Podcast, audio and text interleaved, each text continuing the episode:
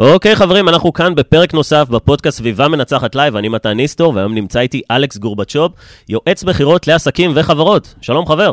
שלום, שלום, מה? איזה כיף להיות פה. ברוך הבא. ברוך הנמצאים. מעולה. בוא תתקרב טיפה, נשמע אותך ככה יותר טוב.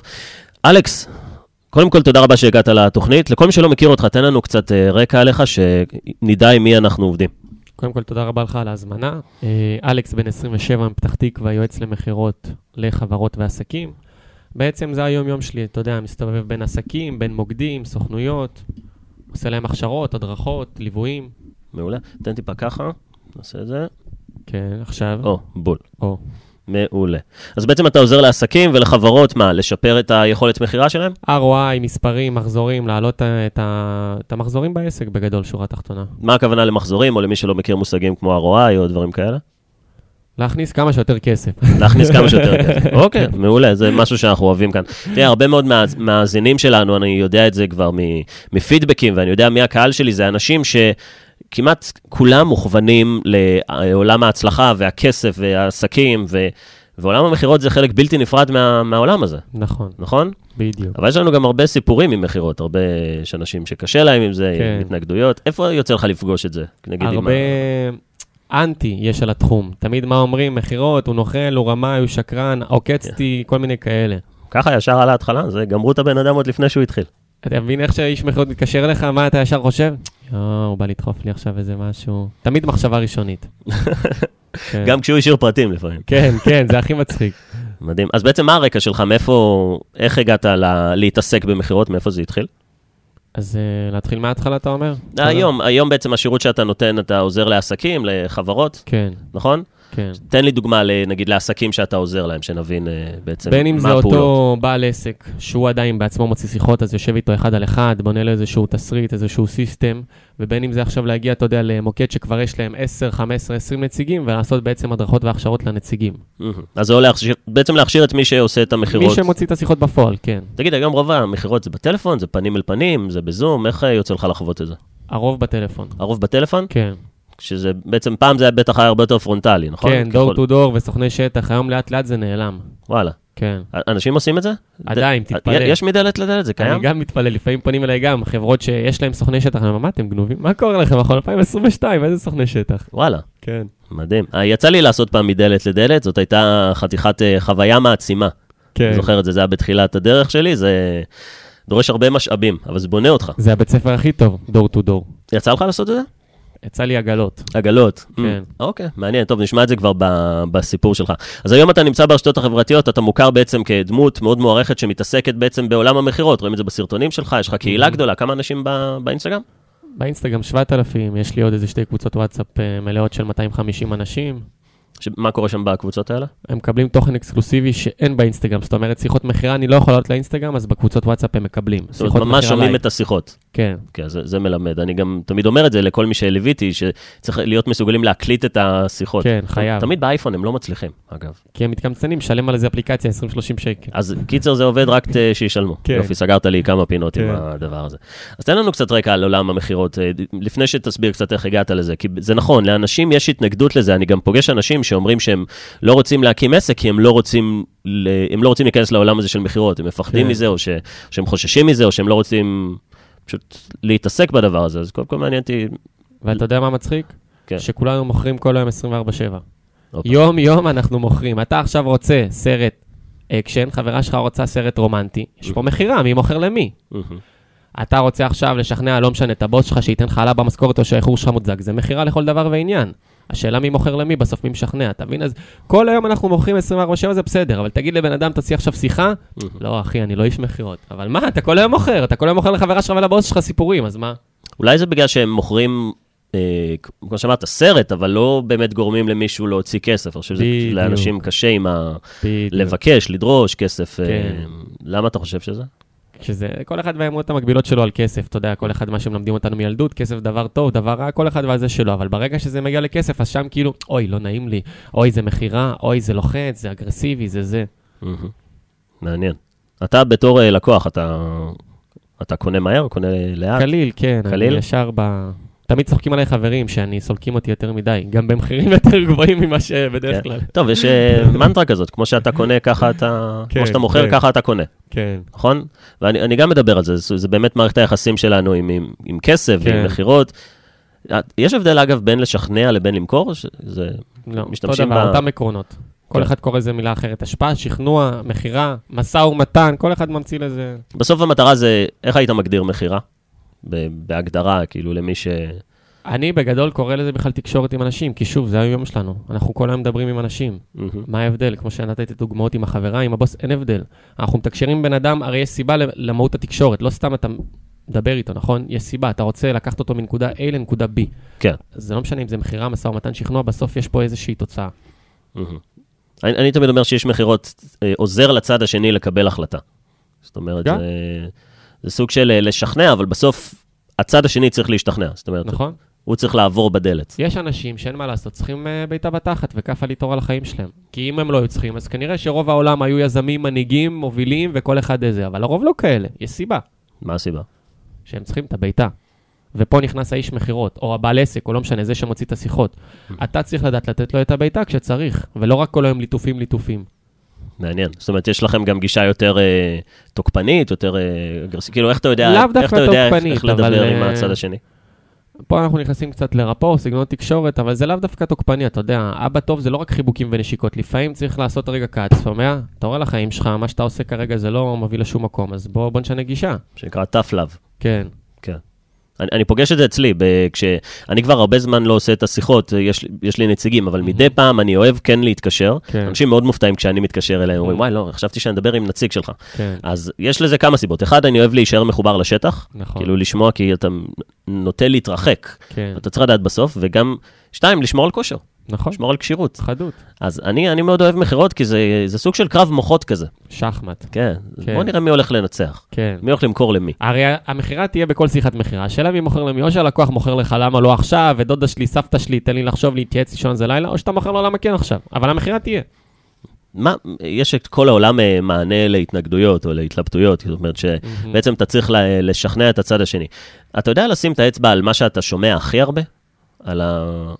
על המשפט שאתה שומע הכי הרבה כשאנשים מתרצים למה לא? כי אני חושב שרק מזה בדרך אפשר כלל ללמוד הנפוצים הרבה. זה יקר לי ולחשוב על זה, זה הנפוצים. יקר לי ולחשוב על זה. כן. אם זה לחשוב על זה, זאת אומרת, כש- כשמישהו אומר אני צריך לחשוב על זה, אני בטוח שיש פה הרבה אנשים, תרימו יד, גם אם אתם אה, לא איתנו עכשיו, כל מי שאומרו לו אי פעם שהוא צריך לחשוב על זה, כן. שניסה למכור. למה אנשים אומרים את זה? זאת אומרת, מאיפה זה מגיע לדעתך? קודם כל זה חרטא, כן? זה תחפושת, זה מסכה, בוא נתחיל מזה. אוקיי. אני אתן לך דוגמה, נגיד, אתה יש לך חברה, נכון? נכון. לצורך העניין, יום אחד היא תעשה לך ארוחת בוקר למיטה, ובטעות לא אמרת לה תודה. לא אמרת לה מילה טובה, נכון? מה קורה? עובר יום, יומיים, שבוע, היא מתבשלת עם עצמה, בואנה, למה הוא לא אומר לי תודה? הוא לא מעריך, איזה זבל, הוא לא משקיע בי, הוא לא אוהב אותי, ואתה יודע, מתחילה לאכול אה, לעצמה את הראש. אוקיי. עכשיו, מה קורה? בטעות פעם אחת לא עשית כלים או לא זרקת את הזבל, מתחילה לריב איתך. אתה פרזיט, אתה לא עושה כלום, אתה לא אומר כלום. ואנשים, מה, כי זה הצטבר? בדיוק, ואנשים, אני אומר, מטומטמים, רבים על כלים, אבל זה אף פעם לא הכלים, זה משהו מעבר. אז אותו דבר לחשוב על זה, זה אף פעם לא לחשוב על זה, יש פה משהו מעבר, אתה יודע. אתה תשים רגע לזה קאט, וממי, שומעת, אולי עשיתי טעות, פספסתי, הכל בסדר, אבל תגידי לי מה, איפה טעיתי, אולי לא שמתי לב, בואי נתקן, בואי נשפר. עזבי אותי, זה לא הכלים, שתינו יודעים שזה לא הכלים. מהמם. אז זה בדיוק אותו דבר לחשוב על זה, זה אף פעם לא לחשוב על זה זה. היה הטריגר. כן. אז כשמישהו אומר אני צריך לחשוב על זה, מה הוא בעצם אומר? הוא לא אומר לך את האמיתי. מה זה אמיתי? האמיתי זה תמיד אחד מהשתיים. כל ההתנגדויות, כל הלחשוב, להתייעץ, יקר לי, מסתכם באחד מהשתיים. או שאחד, אני לא מאמין בך, חוסר אמונה, אתה נוכל, רמאי, שקרן, משהו בחיבור, ברפור, לא היה טוב. מה זה רפורט? אתה משתמש במושג הזה הרבה? כימיה ברמה לא מודעת. מכירים את זה שנגיד אתה עכשיו נכנס לחדר, רואה פעם ראשונה מישהו ואתה אומר, אין, זה הולך להיות חבר הכי טוב שלי. עוד לא דיברת איתו מילה, לא החלפת אותו משפט. או הפוך, אתה נכנס לחדר, אתה רואה את הבן אדם, אתה אומר, אין, זה זבל של בן אדם, לא החלפת איתו מילה, כבר עשית שפיטה. אוקיי. אז זה ברמה לא מודעת, יש איזשהו משהו במימיקות אה, פנים, בשפת גוף, שתוך שנייה אתה כבר יודע אם אתה מתחבר לבן אדם או לא. אז אפשר לייצר את זה ברמה לא מודעת בטלפון. אה, נגיע לזה בהמשך, אבל אה, נקטע לי חוט המחשבה איפה אני. כן, מה זה, תעשה טיפה ככה. כן. יופי. דיברנו בעצם על זה שכשמישהו אומר שהוא רוצה לחשוב על זה, אז הוא בעצם משקר, ש- שזה בעצם לא משקר, הוא פשוט זה כנראה ברמה לא לא רוצה, מודעת. או שהוא לא רוצה להיפתח בפניך. יפה. אז אתה אומר, כי- אחד, זה הוא לא מאמין בך, כן, חוסר אמונה בך, אתה נוכל רמאי שקרן, אז מן הסתם עוד יותר אני לא אפתח אליך, אני לא אגיד לך את האמת, אני אגיד לך אני צריך לישון על זה. אוקיי. או סיבה שנייה, שזה חוסר ביטחון עצמי, חוסר הערכה עצמית, אני לא מאמין בעצמי, שאני אצליח בתהליך ליווי, ב, לא משנה, בתוכנית, ב, בכושר, ב, בקורס, או לא משנה מה שזה לא יהיה. אז הכסף... אף פעם לא לא, פקטור. לא תיארת את זה, לא אמרת שכסף זה התנגדות, כאילו, בא, אני צריך לחשוב על זה. הכסף אף פעם לא פקטור, יקר לי זה גם הבלוף הכי גדול בהיסטוריה. ל- למה אתה מתכוון? כי אם כסף היה פקטור, אז רק חברות יקרות היו, שור... אה, זולות היו שורדות ולא היו חברות יקרות. בכל תחום, בכל נישה יש לך חברות יקרות שמוכרים בכפול. איך זה הגיוני? הרי הכסף פקטור, לא? הכסף לא פקטור. יותר מזה, 80% מהמדינה במינוסים. למה? כי הכסף לא פקטור. בן אדם במינוס 20,000 שקל, הולך לקניון, עושה סיבוב, מגייס עוד 5,000. אבל איך? אתה במינוס, למה אתה עושה את זה? פתאום יש לך כסף, הוא ייכנס אליך לחנות, יגיד לך, שומע, יקר לי, לא בתקציב, ילך לחנות ממול המתחרה שלך, יצא עם חמש שקיות. אבל איך אמרת אין לך תקציב? איך זה הגיוני? אז איך זה, אני, אני כבר איבדתי את זה, איך זה יכול להיות? כי יש איך- מכירות טוב. כי יש מכירות טוב? כן. זה ההבדל. כי שוב, כסף זה, זה לא פקטור, אנשים ייקחו הלוואות אם צריך, אנשים כל שנה, אתה יודע, מחליפים טלפון ב-4,000 שקל, כל שנה טסים פעמיים שלוש לחו"ל, ומחליפים כל שלוש שנים רכב בליסינג, 100,000 שקל. אז איפה הכסף? יש כסף.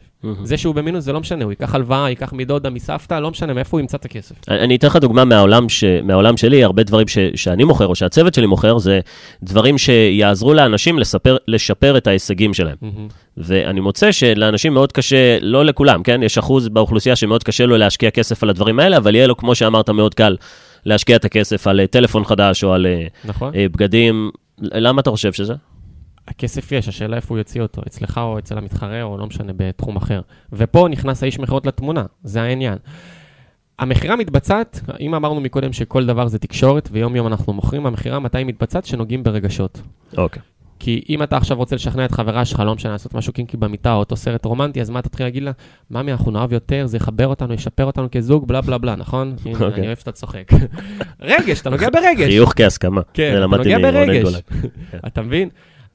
אז כשאנחנו נוגעים ברגשות, המכירה מתבצעת. עכשיו, אם אתה, או לא משנה, הנציג דיבר איתו, ולא הצליח לגעת ברגשות, ולא מכר לו כביכול את החלום, או את הכאב, או את מה שמסתתר מאחורי זה, מהמם. הוא ילך אחר כך לקניון, וייכנס uh, ל vibe, לאווירה, המוכרת שם תדפוק לו חיוך, קצת תפלרטט איתו, הוא נכנס לרגש כאילו אני גבר, אני הולך, uh, אתה יודע, להתחיל איתה, בום, מוציא את הכסף. אז אתה אומר שבכלל זה קשור לרגשות. בדיוק. כי, כי כשאנשים אומרים אני צריך לחשוב על זה, זה נשמע שהם הולכים לשקול משהו, להסתכל על טבלאות לא. אקסל בחיים לא. ולדבר עם אה, שבע הרואה חשבון שלו. בחיים על- לא, על- מה, למה כל בן אדם שאומר צריך לחשוב על זה, למה מה, אחרי השיחה הולך, עושה, "אמ, אני חושב על זה, שם ידיים על הראש, "אמ, אני חושב על זה, "אמ, אני חושב על זה, לא, זה לא קורה. יותר מזה אני אגיד לך, דוגמה ב- ביום-יום, אתה יודע, בן אדם עכשיו יצא לבירה עם חברים, ישים 40-50 שקל עם טיפ על בירה, כן. יום אחרי הוא יבוא לעבודה, ארוחה עסקית, יחפש את הכי זולה ב-30 שקל, אבל איך, זה צורך הישרדותי בסיסי קיומי, מהמם. של אוכל, אנרגיות לעבודה, להמשיך את היום, אני חוסך על עצמי, אבל על הבירה המסריחה אני אוציא 40-50 שקל. רגש, כי אתה ב vibe, אתה באווירה, אתה חברים, אתה ביציאה, אולי שוב פעם גם המלצרית דפקה לך חיוך, כל פעם שהמלצרית דופקת לך חיוך, אתה מוציא יותר כסף. מעניין. אז אתה אומר שזה בגלל, בכלל עניין של רגשות. נטו רגשות. אז איך מכניסים מישהו בשיחת טלפון? אתה יכול לתת לי דוגמה? נגיד אה, מישהו רוצה למכור משהו, איך אני משתמש בעניין הזה של רגשות כדי לגרום לו? הדבר העיקרי זה להבין מה הלמה האמיתי שלו. אבל לא למה סתם בנאלי, כמו שסתם, אה, נגיד מוצרי אה, כסף, מה אנשים באים, נגיד כל מיני קורסים של שוק ההון, או נדל"ן, או אי באמזון, כל מיני תחומים כאלה, מה אנשים באים? הם באים לעשות כסף. מהמם. זה בגדול. אבל יש משהו מעבר, כל אחד יש לו למה אחר. זה אולי רוצה לעשות כסף כי הוא רוצה לחסוך לפנסיה לילדים, הוא כבר חושב לגיל 70. זה אולי רוצה לחסוך בכלל לטיול לדרום אמריקה שהוא לא הגשים אותו אחרי השחרור בצבא, והיום הוא רוצה בגיל 30 להגשים אותו. כל אחד יש לו סיבה אחרת לכסף. אתה צריך להגיע לסיבה האמיתית, אתה לא יכול לדבר עם כולם באותה צורה ובאותה שפה. אני פגשתי את זה בירידה במשקל, היינו שואלים אנשים מה- למה הם רוצים להוריד במשקל. בדיוק. אני העליתי במשקל, אני מרגיש שזה זה לא האמיתי. נכון. עד- עד כולם ש- רוצים לעלות או לרדת, אבל מה מעבר? איפה זה פוגש אותו ביום-יום? איפה זה תופס אותו? אולי הוא עכשיו יצא לדייט עם בחורה והרגיש חסר ביטחון, כי הוא, יש לו עודף משקל. זאת אומרת, צריך להעביר את הצד השני איזשהו מסלול רגשי כזה. כן, זאת אומרת, צריך אה, קצת כמו רכבת הרים כזאת. בדיוק. יש תמיד את העיקרון של כאב ועונג, זאת אומרת שיש נכון. אנשים שאתה רוצה ללחוץ על הכאב שלהם. יכול להסביר את הנושא הזה למי שזה חדש לו? אה, פה אנחנו נכנסים קצת לשלושת המוחות, המוח שלנו מחולק לשלוש שכבות, השכבה הראשונית זה המוח הקדמוני ההישרדותי, בעצם התילחם או תברח, יצר ההישרדות. עכשיו, אתה יודע, אנחנו יושבים פה באולפן, הכל טוב ויפה, אם חס וחלילה נכנס לפה עכשיו איזה אה, רוצח, פסיכופת, מה קורה? או שאתה נלחם או שאתה בורח. אין לך רגע זמן לחשוב, להתייעץ, תן להתקשר לרואה חשבון, נראה מה אני עושה, זה לא קורה. או שאתה נלחם או שאתה בורח. אוקיי. אחר כך אנחנו עוברים למוח השני, שזה בעצם המוח הרגשי שלנו, המערכת הלימבית, וכל הקבלת החלטות שלנו ביום-יום היא נובעת נטו מזה. אנשים חושבים שהם רציונליים והגיוניים, אבל הם לא. כי כל הקבלת החלטות היא רגשית. פה נכנסים לסקאלה של הכאב ועונג.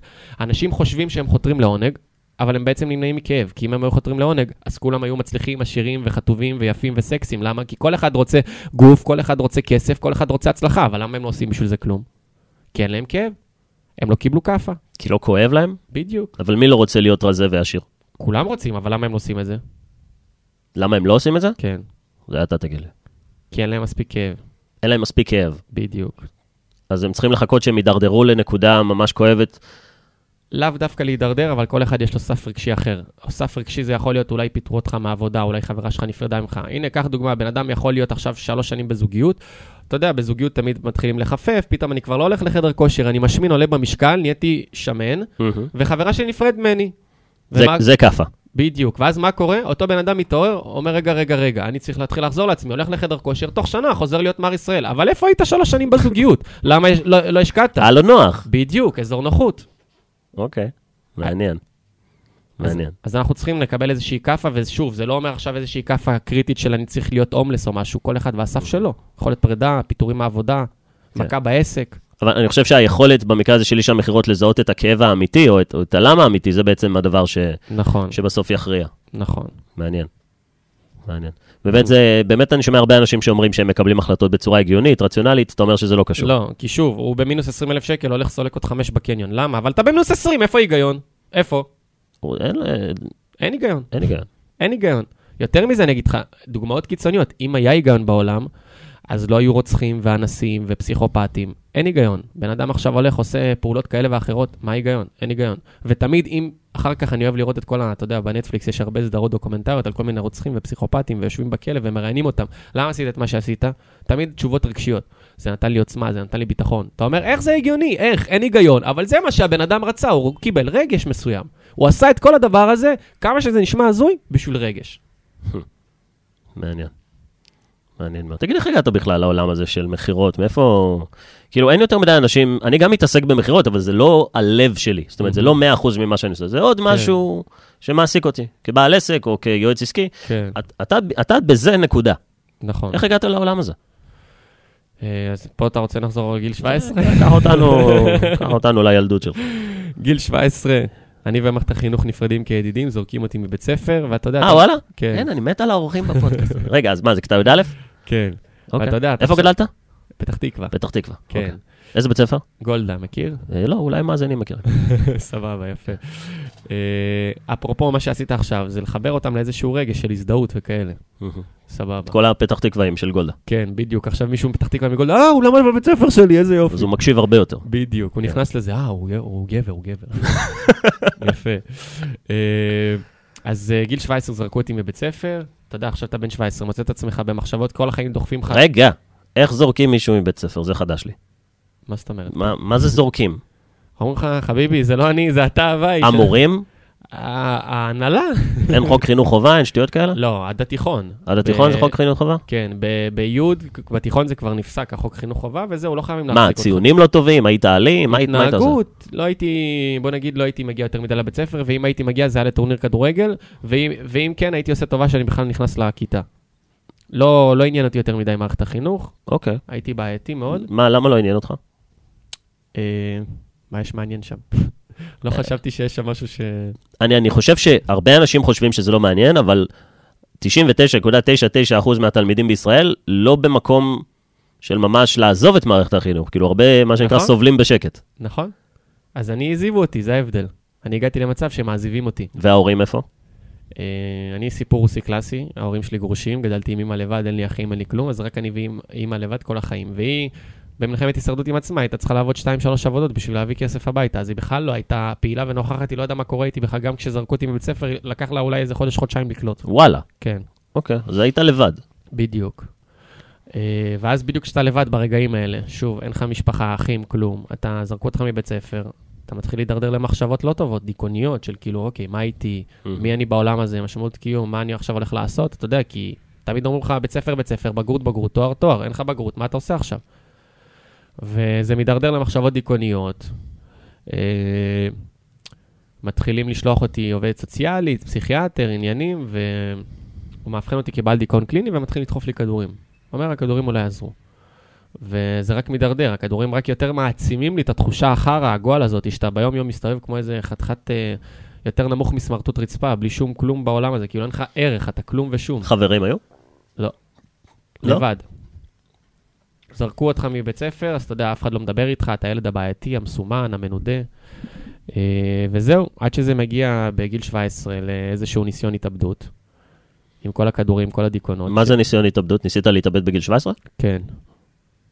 אה, לפרט לך? כן. אה, גיל 17, מה הדרך הכי קלה להתאבד? כדורים. אתה רואה בסרטים, אנשים מתאבדים עם כדורים. אתה אומר, אני אקח את כל הכדורים והיה לך הפסיכיאטריים." כדורים כי קיבלת מרשם מפסיכיאטר. כן, אמרת, אתה יודע, אז אתה צריך לקחת 1-2 ביום, לא זוכר כבר כמה. אבל אמרתי, ניקח את כל התקופה של כל החודשים שנתנו לי, נעשה איזה קוקטייל עם כל מה שיש לי בבית, אקמול עם עניינים, ונבלע ונלך לישון, נשאיר מכתב יפה לאימא, כמו בסרטים, ושלום על ישראל. ועשיתי את זה, השארתי מכתב, והלכתי לישון. עכשיו, באותן תקופות אימא שלי הייתה עובדת עד 7-8 בערב. רצה הגורל, אלוהים, כל אחד שיקרא לזה איך שרוצה, החבר'ה שם למעלה, באותו יום היא חזרה מוקדם ב-4.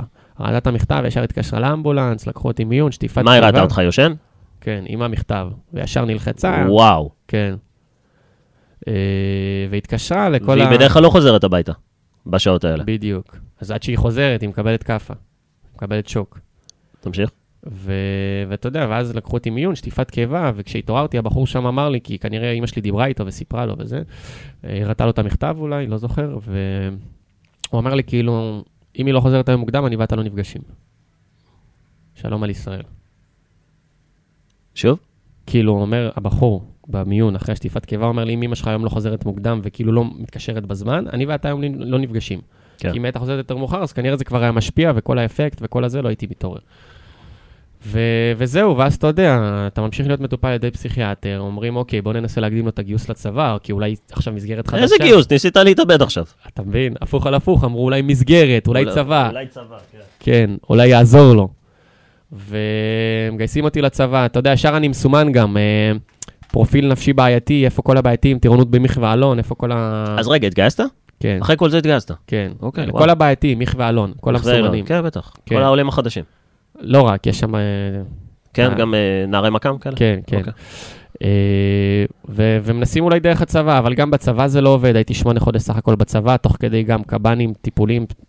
אחרי שמונה חודש אני והצבא גם נפרדנו כידידים, הקב"ן אומר לי, שומע, עזוב, בוא, בוא נסיים את זה, למה זה רק עשה לי יותר גרוע הצבא, כל היום-יום שם.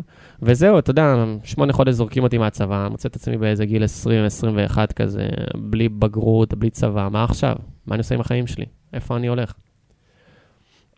אה, ותוך כדי אני עובד בשליחויות, מרוויח במקרה הטוב אולי 5,000 בשביל, אתה יודע, היום-יום, על לשרוד. חייב כסף, אין מה לעשות. אתה כבר בן 20-21, אתה כבר לא ילד.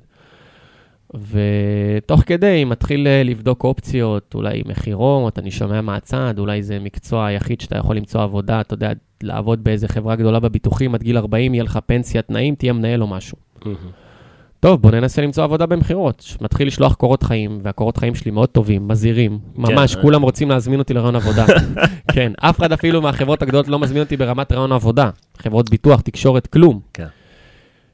וזה מצחיק, נגיד AIG, אני שלחתי להם בזה, והם לא קיבלו אותי, והיום הם, אה, מה זה היום? לפני כמה חודשים דיברו איתי לגבי לבוא לעשות להם הדרכות, סגירת. מעגל, זה מצחיק. כן.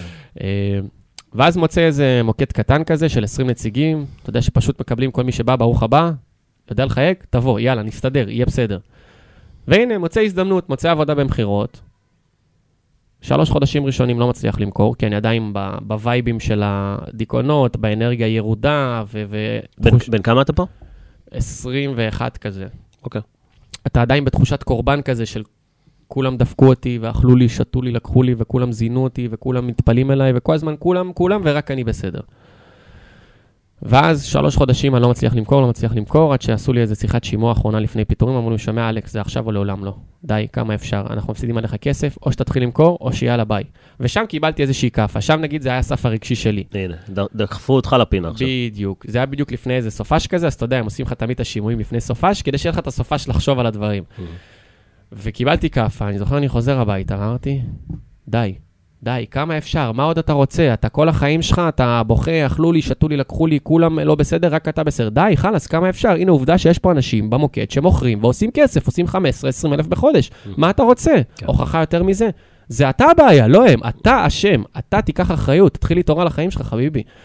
ואתה יודע, ואני... היה לך איזה רגע עם עצמך שם. כן, שממש כאילו אני נכנסתי, התחלתי להיכנס למחשב לגוגל, אני רושם כזה, איך מצליחים בחיים, איך וואו. מוכרים יותר. ממש מתחיל לחפש, לחרוש, ופתאום נכנס, אתה יודע, זה בדיוק היה סופש לאיזשהו לופ כזה, כל הסופש, כל ההתפתחות האישית, פתאום אבא עשיר, אבא אני אעשות, כל הדברים, אתה מתחיל לקרוא וזה, מזמין ספרים, הולך, קונה. אה, סרטונים ביוטיוב, הרצאות, כל מה שיש בחינם, רק תביא, תביא, תביא. ו- ומתחיל כזה להיכנס לכל ההתפתחות האישית, כל הספרים, ומתחיל, נרשמתי לקורס NLP בכסף שלא היה לי, אפרופו עוד פעם, כסף זה אף פעם לא פקטור. אה, ואמרתי, די, אני עושה הכל בשביל לשנות את המצב, לא אכפת לי מכלום, וכוסם מהעולם הזה. וזהו, תוך שלוש חודשים מהשנייה שקיבלתי את ההחלטה הזאת, פתאום בום, נהייתי מספר אחד בחברה שרצו לפטר אותי, פתאום אני מתחיל להרוויח 15, 20, 30 אלף פתאום נהיית בחודש. מספר אחת. תוך שלושה חודשים, תהליך שאני, אתה יודע, חורש וחורש וחורש ולומד ולומד ו-NLP, NLP, NLP. אה, ותוך שלוש חודשים, מספר אחד, מתחיל להרוויח 15, 20, 30 בחודש, ילד בן 22, אחרי כל מה שעברתי, כל הדיכאונות, כל הזה. ומשם, איך אומרים, אה, הסכר נפתח והכל זורם, ופתאום, אחרי שנה שאני עובד בחברה ואני כבר בשיא שלי, שובר שם שיאים, מכניס לאותה חברה 200 אלף שקל, רק אני לבד, פלוס מכשיר נציגים חדשים, אמרתי, אתה יודע איך זה, בן אדם עובד בפיצה, פותח פיצריה, אני עובד במוקד, יאללה, בוא נפתח מוקד משלי, מה יכול להיות? כוסם העולם הזה, אחרי כל מה שעברת, כל מה שעשית, מה הדבר הכי גרוע שיכול לקרות, אתה מבין? מה כבר? יש לך פרספקטיבה. תנסה להתאבד, תנסה, מה כבר יכול לקרות? כן. ו- וזהו, אמרתי, יאללה, אני פותח מוקד אחרי שנה שעבדתי שם, ואני ממש זוכר את התאריכים ברמת חתונה, ראשון לחמישי 2018, מתן, איפה היית? מה עשית? ראשון לחמישי, 2018? כן, אה, זה לא מזמן 2018. נכון. אה, נראה לי ש... או שהייתי בחו"ל, או שהתחלתי כמאמן כושר, אני מתערבב לי. יפה. אז אני הראשון לחמישי 2018, התפטרתי מהעבודה, היום האחרון שלי כשכיר במדינת ישראל. שים לב, תוך שלושה חודשים, יש לי קטע עם השלוש חודש. תוך שלושה חודשים, הראשון לשמיני 2018, יש לי כבר משרדים בהרצליה פיתוח, חברה בע"מ, נציגים, מחשבים, טלפונים, לידים. מתחילים כבר להוציא שיחות, יש מוקד באוויר. התחלנו, יצאנו לדרך. לא הבנתי, מה קרה בשלושה חודשים האלה? התפטרתי והתחלתי... ל- הבנתי שהתפטרת, עכשיו בוא קפוצתי לפיתוח עם האנשים עובדים וזה. מה- הכי? פשוט בעולם, הכי בבוני בעולם. אני יושב עם עצמי, אני אומר, אוקיי, מה אני צריך בשביל מוקד מכירות? נציגים, כן, לידים, כן. שזה שיווק בעצם, ומוצר. ומ- עכשיו, מכירות אני עושה, אני מביא נציגים, אני מכשיר אותם. אוקיי, שיווק, אני מביא קמפיינרים, קמפיינר, ומוצר, אני מביא בעל מוצר. זהו, יש לי מוקד. אוקיי. ותוך שלוש חודשים, אתה יודע, עורך דין, רואה חשבון, פותח... מכרתם מוצרים של אנשים אחרים, כן, הבנתי. קיבלתם עמלה על זה. כן. אוקיי, מגניב, זה המודל בעצם. אה, כן, כאילו עמלה, רוב העמלה אליי, כי גם הייתי עושה את השיווק וכל ההוצאות עליי. Mm. הייתי, התחייבתי להוצאות של 150 אלף כן, בחודש. הדברים האלה יקרים. אני... כן, 150 אלף בחודש ההוצאות שלי, הבוקר טוב, התחייבתי, לקחתי משרדים בהרצליה פיתוח שנה קדימה, אתה יודע, אתה מביא עכשיו שיווק, לידים, עולה כסף. אז כל חודש אתה צריך להביא 150 אלף שקל. כן, מביא נציגים, משכורות, עולה כסף, היום. פותח כל חודש 150 אלף, גיל 24, לא יודע כלום מהחיים שלי, יאללה, בוא נעשה, כי אני יודע למכור, זה מה שאני יודע. תתחיל לרוץ. כן. אני תמיד אמרתי לעצמי, לא זה- משנה זה מה לשרוף את יקרה. הספינות, אגב. זה זה ממש ההגדרה של לשרוף את הספינות. כן. זה בהגדרה לשים את עצמך במצב לא נוח, ואתה כן. חייב לתת את הביצועים הכי טובים אני שלך מאוד עכשיו. מאמין בזה, אגב, בלשרוף את הספינות באולין. אני מאוד בגישה הזאת. אני שונא את הבאמצע, את השטח אפור הזה, כן, לא, אולי זה, עזוב אותי. או שאתה עושה, או שאל תעשה. זה, זה הכל. ותמיד אמרתי לעצמי, הביטחון שלי, כי שאלו אותי, מה, איפה הביטחון שלך, איפה זה? הביטחון שלי בעצמי, אני יודע למכור. אני לבד יודע למכור 200 אלף שקל. אמרתי, לא משנה מה קורה, אני אי אפשר מעיף את כולם. לקחת את זה ממך. בדיוק, לא משנה מה קורה, אני מעיף את כולם, אני מוכר לבד 200 אלף. אתה יודע מה? עזוב 200 אלף, כי עבדתי בחברה, יש תקציבי שיווק, יש מותג, יש הכל. נניח ואני עסק חדש, חצי, 100 אלף, אני יכול למכור לבד? יכול. אז מקסימום מעיף את כולם, מוכר לבד כל חודש 100 אלף, חודשיים, שלוש, מכסה את כל המינוסים אם צריך. אבל לא הגעתי לשם. ופשוט הכל גם זורם, מביא נציגים, ישר מתחילים למכור מהחודשים הראשונים, תוך שנה מחזור מיליון שקל, תוך שנתיים 4 מיליון, ופשוט עפים באוויר.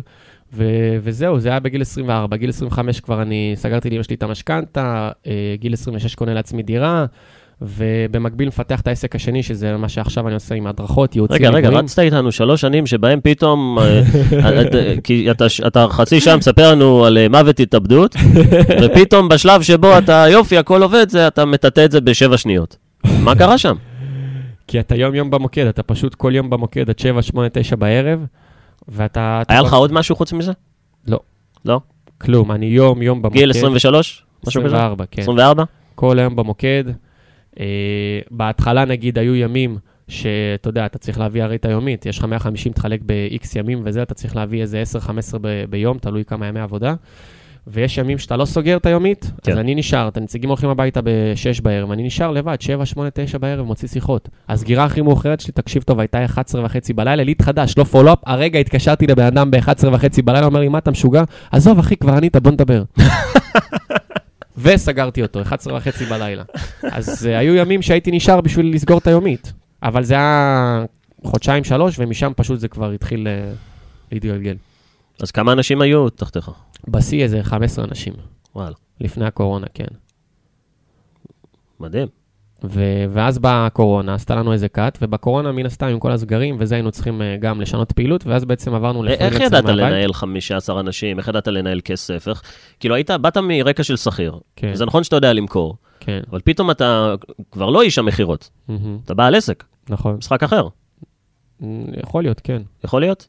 כאילו, אני לא ראיתי את זה. אני אוקיי. כאילו, יצא לי לחשוב על זה עם עצמי כמה פעמים, כאילו, כל הדברים האלה זה כאילו עובר, ואתה אומר, כאילו, זה מה שצריך להיות. זה כאילו חלק מאיזשהו משהו. כאילו, ככה זה אמור להיות. אני לא ראיתי בזה עכשיו איזשהו משהו, מה, איך אני אעלה כספים, איך אני אעלה אנשים. זה מה שיש, וזה מה שעושים.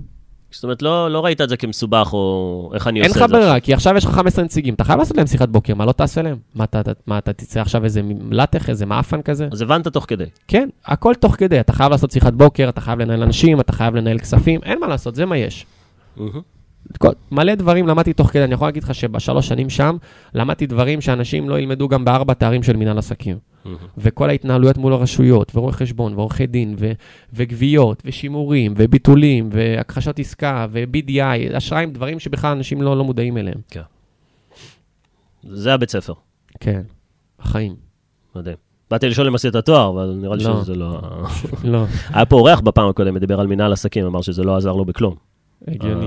הלימודים האלה. יותר מזה, אני אגיד לך שאני הייתי מעסיק אנשים שהם יותר גדולים ממני, 27, 8, 30, אני הייתי אז בן 24, כן. חלקם גם אחרי תואר, והם באים לעבוד אצלי כשכירים, או בתור קמפיינרים או בתור אה, אה, אנשי מכירות. אתה מבין את ההזיה? זאת אומרת, לא שירת אותם מה שהם למדו.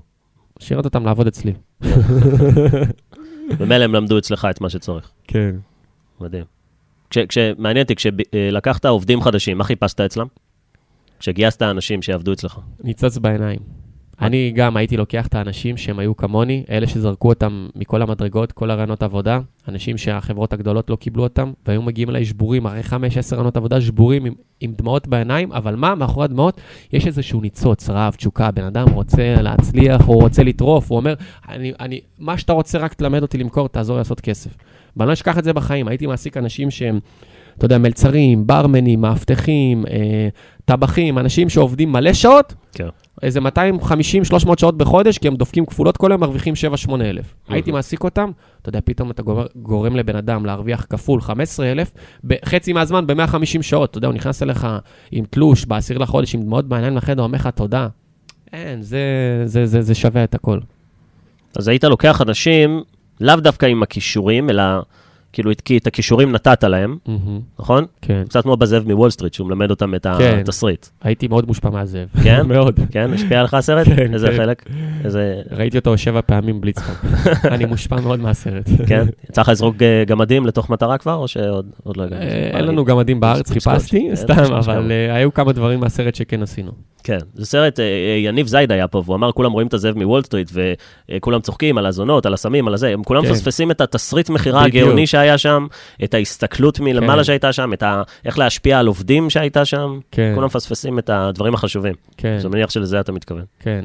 כן. הרי גם, דיברנו קודם על מכירות, וזה היום יום, גם לנהל עובדים, בסופו של יום זה מכירה. לנהל עובד זה למכור לו כל יום מחדש. זה שהוא שכיר ומקבל ממך משכורת, זה לא אומר שהוא ייתן את ה-100%. אני רוצה שהוא ייתן את ה-100%.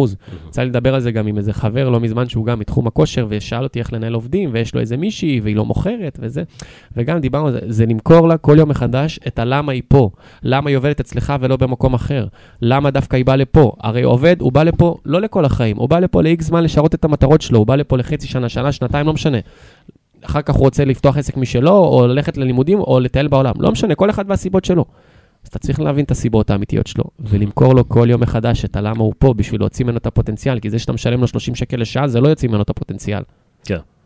איך היית מתגמל את העובדים שלך? זה היה לפי עמלות? לפי... מינימום 30 לשעה ו- ועמלות. ועמלות? כן, זה התמריצים בעצם, כן, על המכירות. כן. מדהים.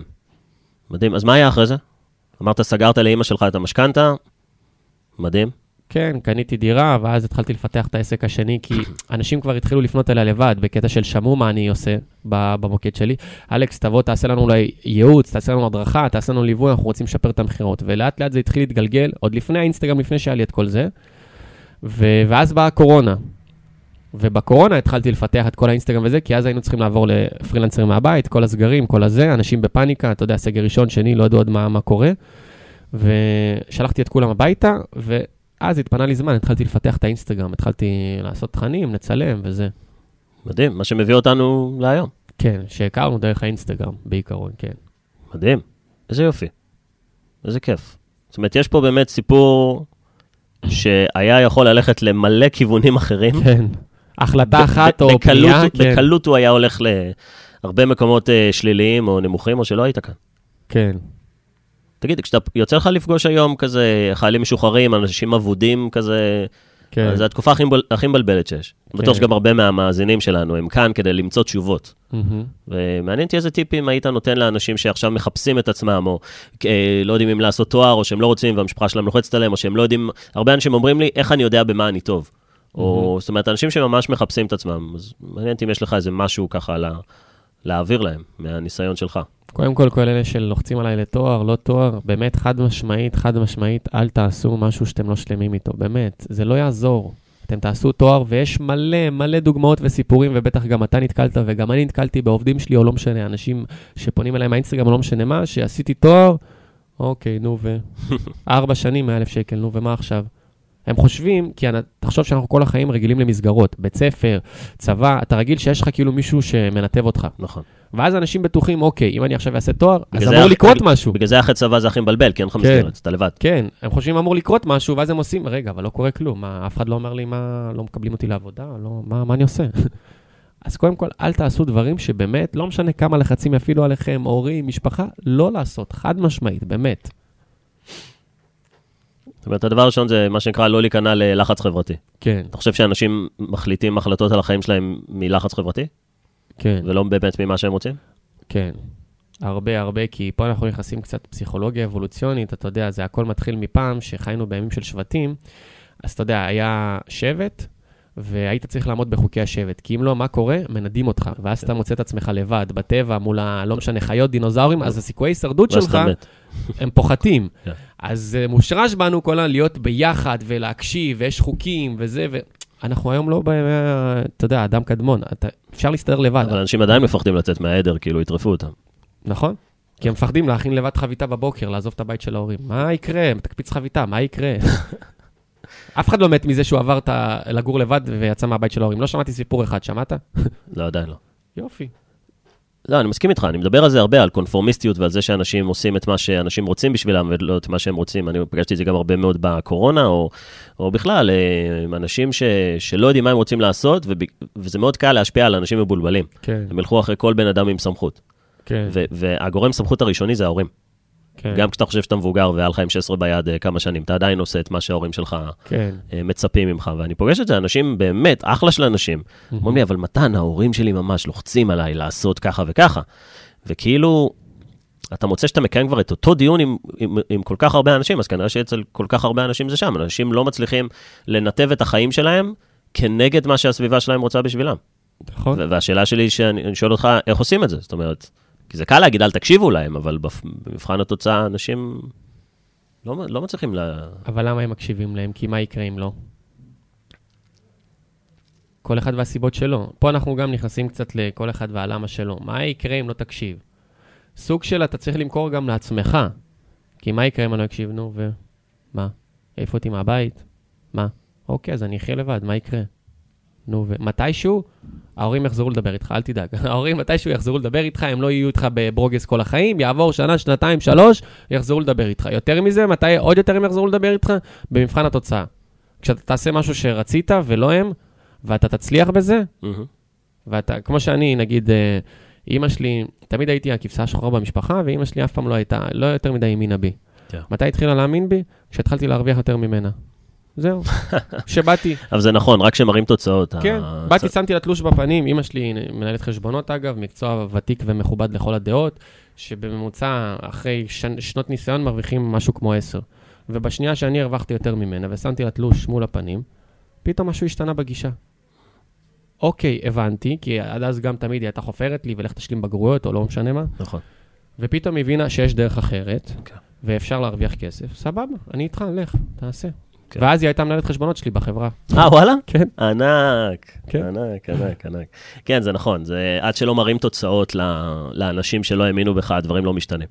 כן? וכן, אני הסברתי את זה גם, שאני גם הייתי, היה לי צד שרציתי להוכיח לאבא שלי. אז הראיתי כן. לו גם אה, הכנסות, וכדי שמה שנקרא, כן, שישחרר. כן. אבל זה נכון, זה נכון הדבר הזה. אגב, אה, משהו מעניין, אמרת על כבשה שחורה. מהמם. זאת אומרת, כבשה שחורה זה כבשה שהיא נראית שונה מהעדר שלה. כן. ויש איזשהו אה, משהו מעניין, אתה יודע למה לזברות יש פסים? למה? הסיבה זה שכשיש הרבה מאוד זברות שהן ביחד, מהמם. אז, ונגיד יש אריה שרוצה לטרוף את הזברה, אז הוא משתבשת לו הראייה, מהמם. כי הכל נראה אותו הדבר. כן. זה נראה כמו גוש אחד ענק מהמם. של מלא פסים שחורים, והוא לא יכול להתמקד על אובייקט, ויותר קשה לו לתקוף. והוא יותר מפחד, כי הוא חושב שהוא ניצב מול איזה משהו ענק. כן, עכשיו, תשים זברה לבד, או שתוריד לה את הפסים, היא גמורה. כן, אומרת, אוכל אותה. כן, זאת אומרת, זה הסיבה שה... כאילו, אם ניקח את זה מתיאוריית השבטים והחיות, זה הסיבה שאנחנו רוצים להיות בתוך, בתוך העדר, כי כן, סיכויי ההצלחה שלנו הם... אה, הישרדות גבוהים. ההישרדות, כן. יחד עם זאת, אני קראתי איזשהו ספר שאומר שאנשים שהם בתוך קבוצה, הם מושפעים בצ... הרבה יותר בקלות. נכון. זאת אומרת, זה יותר, קש... יותר קל להשפיע על אנשים שהולכים בצורה יותר אה, עדרית, או דברים כאלה. נכון. מה, מה הייתה הגישה שלך לגבי הקורונה, לגבי כל מה שהיה פה בשנתיים האחרונות? מעניין אותי. אני לא מחוסן. כן? מה הסיבה? לא לא רואה בזה צורך. מה אתה חושב בכלל על כל ה- עם האנשים, התנהגויות, מסכות, חדשות? מה, איך משפיעים עלינו? איך מוכרים לנו יום-יום? אה, זה קשור למקצוע שלך, אז מעניין אותי איזה כן. דעה מקצועית יש לך. אגב, אני גם לא מחוסן, לא הולך עם מסכה, ו... כן, אבל מעניין אותי מאיפה אתה מגיע לזה. בתור אחד שאתה סוג של רואה את המטריקס. ב- אני אני תמיד אומר, ברגע שאתה יודע למכור, אתה רואה דברים, וברגע שאתה מבין קצת איך המוח, ו- ועל אנשים, והתנהגות, ו-NLP ופסיכולוגיה, אתה רואה דברים שאנשים לא רואים. אני קורא לזה לראות את המטריקס. מהמם. אז מעניין אותי איך ראית את כל מה שהיה פה, על אה, השפעה של אנשים, איך לגרום לאנשים לעשות דברים. תשמע, זה אותם עקרונות של איך לפתוח כת, או כל השיווק רשתי, פירמידות למיניהם, זה אותם עקרונות. אותם עקרונות שכנוע, אין הבדל. ומי שבאמת טיפה מבין, ורואה מה עושים לנו, אז אתה צוחק, כי אתה אומר, מה זה... תן, תן דוגמה. לצורך העניין, נגיד, לגבי uh, כתות. אתה יצא לך קצת לחקור, לקרוא כתות וזה, איך זה מתחיל, כל הדברים האלה? אה, יש, יש שלבים, אני יודע. יש, אה, צריך... אה, אוי- אויב משותף זה תמיד טוב, שיהיה טקסים, סמלים. קודם כל, השלב הראשון, זה צריך להיות אבוד ושבור. נכון, לוקחים אה, אנשים... אה, כן, כי בן אדם, גם אפרופו אני אומר את קראת זה את הספר הכל דפוק של מרק מנסון? לא, הוא מדבר על זה שם. אני אקרא, מעניין, אני אוהב אה, לשמוע את הדברים האלה. אה, קודם כל, אתה צריך בן אדם שהוא אבוד ושבור. כן. עכשיו, מי היו בפאניקה בקורונה? אנשים שפתאום, הם אה, קראו לזה, נכון, לא רלוונטיים או לא יעילים, איך קראו לזה? לא זוכר איך קטלגו את זה, האלה ששלחו אותם הביתה. לא יעילים למערכת או לא רלוונטיים. מה, שכירים כאילו?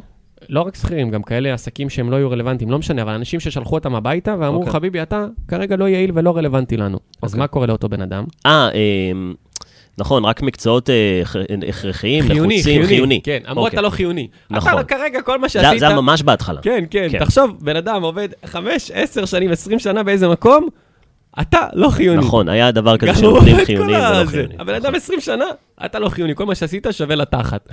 ואז זרקו אותם הביתה. וזה אותם אנשים שישבו בפאניקה, כי אנשים שבמרכאות היו חיוניים, הם לא היו בפאניקה, הם לא יותר מדי התייחסו לדברים. גם בעסקים, היו עסקים שכל הקורונה בכו, אין מענקים, אין זה, אבל זה אותו עסק שהוא עוסק פטור כבר 50 שנה. אחי, למה אתה 50 שנה עוסק פטור? אתה אשם, לא המדינה. כי אני בתור חברה בעם, אני לא אגיד כמה סכומים קיבלתי מענקים, ויכולתי לשבת גם בבית שנה בכיף, כן?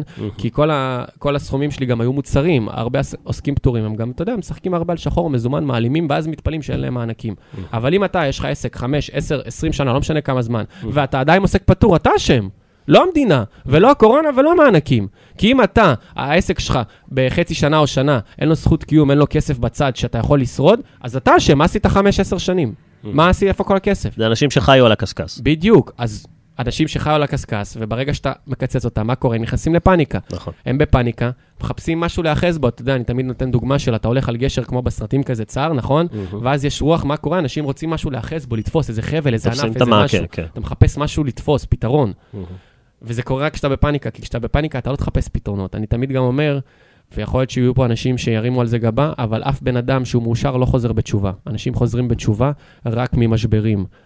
וזה אותו דבר כתות ודתות, אנשים הולכים לשם, מחפשים פתרונות, כשקרה להם איזושהי כאפה, פאניקה, והם מחפשים משהו להיאחז בו. אז פה אולי יתפוס איזה מנטור, זה אולי יתפוס איזה רב, זה יתפוס איזה תקווה. פירמידה, בדיוק. אז מלכתחילה, מי שנכנס לפאניקה זה אלה שמחפשים תקווה. ואני אומר מלכתחילה, זה שנכנסתם לפאניקה זה כל החמש, עשר שנים אחורה שלכם היה חרא. אז אתם צריכים להסתכל אחורה, בכלל, על ה, על ה, מההתחלה. גם ב, בהתנגדויות, תמיד התורה שלי היא כזאתי, אנשים אומרים לי, איך אני פותר, אני צריך לחשוב על זה. אני אומר לו, מה גרם לזה בכלל מלכתחילה? מה הלא הראשוני לחשוב על זה? עכשיו, כרגע זה לא מעניין. בוא נבין לשיחות הבאות, איך אתה בכלל מנטרל את זה מראש, אתה לחשוב על זה.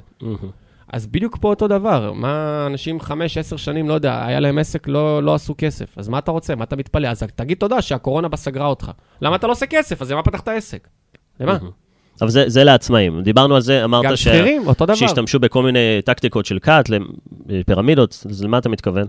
אז קודם כל זה ששלחו אותך הביתה כלא חיוני, גם שכירים אותו דבר אגב, בן אדם עובד 5-10 שנים באותו תפקיד לא מתקדם. אז, אז כולם מפחדים עכשיו, כולם במצב ו- אה, משבר. הישרדותי כזה. הם בפאניקה. רבים על נייר טואלט, בדיוק, זה היה התקופה. כן, נכון. רבים על נייר טואלט, שזה הדבר הכי מטומטם בעולם, כן? ואז הם רבים על נייר טואלט, וזה אותם אנשים שאחר כך חוזרים הביתה ורואים את החדשות, ורואים, אפרופו, מחפשים תשובה, פתרונות, ואז בא מנהיג כזה או אחר, לא משנה, לא ננקוב בשמות, ומספר להם סיפורים. ואז הם נאחזים בסיפורים האלה. Mm. כאילו, זה נשמע הכי מופשט בעולם, אבל זה בגדול, ככה פותחים כתות. אוקיי. ונלך לג'ים ג'ונס, שנות ה-70-80, הבן אדם גרם לאלף אנשים להתאבד עם רעל. וואלה, אתה לא מכיר את הסיפור? אני צריך אה, להכיר את הסיפור. כן, הכת הכי גדולה שהייתה בהיסטוריה, ואלף אנשים שהוא גרם להם לעבור מאמריקה לאיזה אי, לא זוכר אם זה היה ג'מייקה או משהו בסגנון כזה, ופשוט פתחו שם איזושהי מושבה, ומתישהו כאילו התחילו לרדוף אחריו כל ה-FBI וכל מיני כאלה, כי מה שהוא עושה שם בעצם זה לא תקין, הבן אדם גרם לאנשים לעבור את כל הזה, ואז הוא אמר, טוב חבר'ה, בואו נשתרל ונתאבד, ולא נ... שלא יתפסו אותנו. ועשו את זה, כן. איזה גבר. ההתאבדות הכי גדולה בהיסטוריה. וואו, כן. מטורף. אני- אני מעריץ אנשים כאלה. לא, באמת. מבחינת, אה, תשמע, יש להם גאונות, השאלה יכולת לאיזה צד הם לוקחים יכולת את זה. השפעה, בטח. כן. כן. גם כל מה שהיה. עכשיו עם סמל לבייב. עזוב שמה שהוא עשה זה לא תקין אוכל. לטינדר. אבל כן, אבל כל הרמת גאונות שלו והיכולות, שאם הוא היה לוקח אותם ופותח עסק אמיתי לגיטימי, הוא היה מיליונר. כן, פשוט זה לאן אתה ממנף את זה. בדיוק. כן. לא, אני אוהב, אני אוהב דמויות כאלה. כן, יש בנ- יש בנ- מה ללמוד מהם. בנוקמים אני הכי אוהב את טאנוס. אני פחות רואה את הזה, אבל כן. כן. אוקיי, נדבר על זה, נשלים אצלך. חבר, אנחנו כבר 50 דקות בתוך השיחה. קודם כל היה פרק מרתק לדבר קצת על פסיכולוגיה ועל מכירות ועל גם לשמוע את הסיפור האישי שלך ודעות שיש לך על כל מיני דברים. לכל מי שרוצה להכיר אותך יותר, כל מי שרוצה לעקוב אחריך, רוצה אולי להשתפר במכירות או להגיע לדברים שלך, איך עושים את זה? תעזור לנו. אינסטגרם, אלכס 1 גורבצ'וב, G-O-R-B, פשוט זה ימצא לכם, תמשיכו. אז הרגת אותנו עם הגורבצ'וב. כן, אלכס אחד, כן. גורבצ'וב, כן. מעולה, מעולה. אני יודע ש... מה התוכניות שלך לעתיד? ספר לנו, תן לנו, לנו איזה ספוילר. אתה יודע, הפודקאסט הזה יישאר פה הרבה זמן, אז נוכל גם לבדוק אותך, אתה סוג של מתחייב עכשיו. כן, להיות מספר אחת בארץ בכל מה שקשור למכירות. מדהים. למלא אולמות, במות, הרצאות גדולות. איזה יופי. סוג של הזאב מוול סטריט ג'ורדן בלפורט. כן? כן, אבל בארץ. אבל בארץ. ובלי בלי ה- הנוכלויות. בלי השלילי. כן, תעזור לאנשים למכור את העט. כן. אדיר. מדהים, חבר. חברים, כל מי שרוצה להקשיב לעוד פרקים, או כל מי שרוצה גם לצפות בפרק הזה, מוזמן להיכנס לעמוד היוטיוב שלי של מתן ניסטור, ובתחתית של הפרק הזה, אם אתם מאזינים לנו בספוטיפיי, יש גם תיוג לעמוד האינסטגרם של אלכס, אז עשינו לכם חיים קלים. אנחנו נתראה בשבוע הבא עם אורח אחר כאן בפודקאסט בסביבה מנצחת live, ותזכרו שכל מה שעשיתם בחיים שלכם יכול להשתנות ברגע, ברגע שתיכנסו למסלול הנכון, ברגע שאולי תכירו את האנשים הנכונים, ברגע שתתאפסו על החיים שלכם. היה לך שם איזה רגע שתיארת, שאני חושב שזה היה נקודת המפנה שלך, שרצו בעצם לפטר אותך מהמקום, כן. אמרת, אוקיי, עכשיו אני מתאפס על עצמי, נכנסת לתוך עולם ההתפתחות האישית, ומה שאמרת, תוך שלושה חודשים היית מצטיין, ומשם זה כבר, כן, שינית את זה מלופ שלילי ללופ חיובי. כן. אני חושב שמהדבר הזה לבדו, זה הסיבה שאני... אסף רגשי, על אגב, אה, אם להיות עם הגב לקיר, כי אנשים, אתה יודע, תמיד כאילו מנסים להימנע מהכאב, מפחדים לקבל כאפות. אני אומר הפוך, תקבלו כאפות, תקבלו את המכות. אין, שם, שם קורה כאילו הקסם. כי אין לך ברירה, אין לך ברירה, מה תעשה? פיטרו אותך, מה תעשה? זהו. מה, תחזור להיות שליח, תתאבד, מה תעשה? אין לך, זהו, נגמר. כמו שאמרת גם על העסק, על האולין, אמרתי, אני פותח עכשיו 150 אלף, זהו. מה יהיה, יהיה. או שאתה מוכר, או ש... אני יודע מה יקרה. מדהים. חברים, אנחנו נתראה בפרק הבא עם אורח מיוחד אחר, ותזכרו, אתם מסוגלים לעשות כל דבר שאתם רוצים, ותשימו לב גם לאנשים שמייעצים לכם איך לנהל את החיים שלכם, בדגש על המשפחה שלכם. לכל התכנים, לכל הפרקים, אתם מוזמנים להקשיב לפודקאסט הזה, סביבה מנצחת live, יש פה מעל 30 פרקים של אנשים מדהימים שהגיעו כדי לספר לכם איך הם עשו את מה שהם עשו, וחברים, שיהיה לכם אחלה של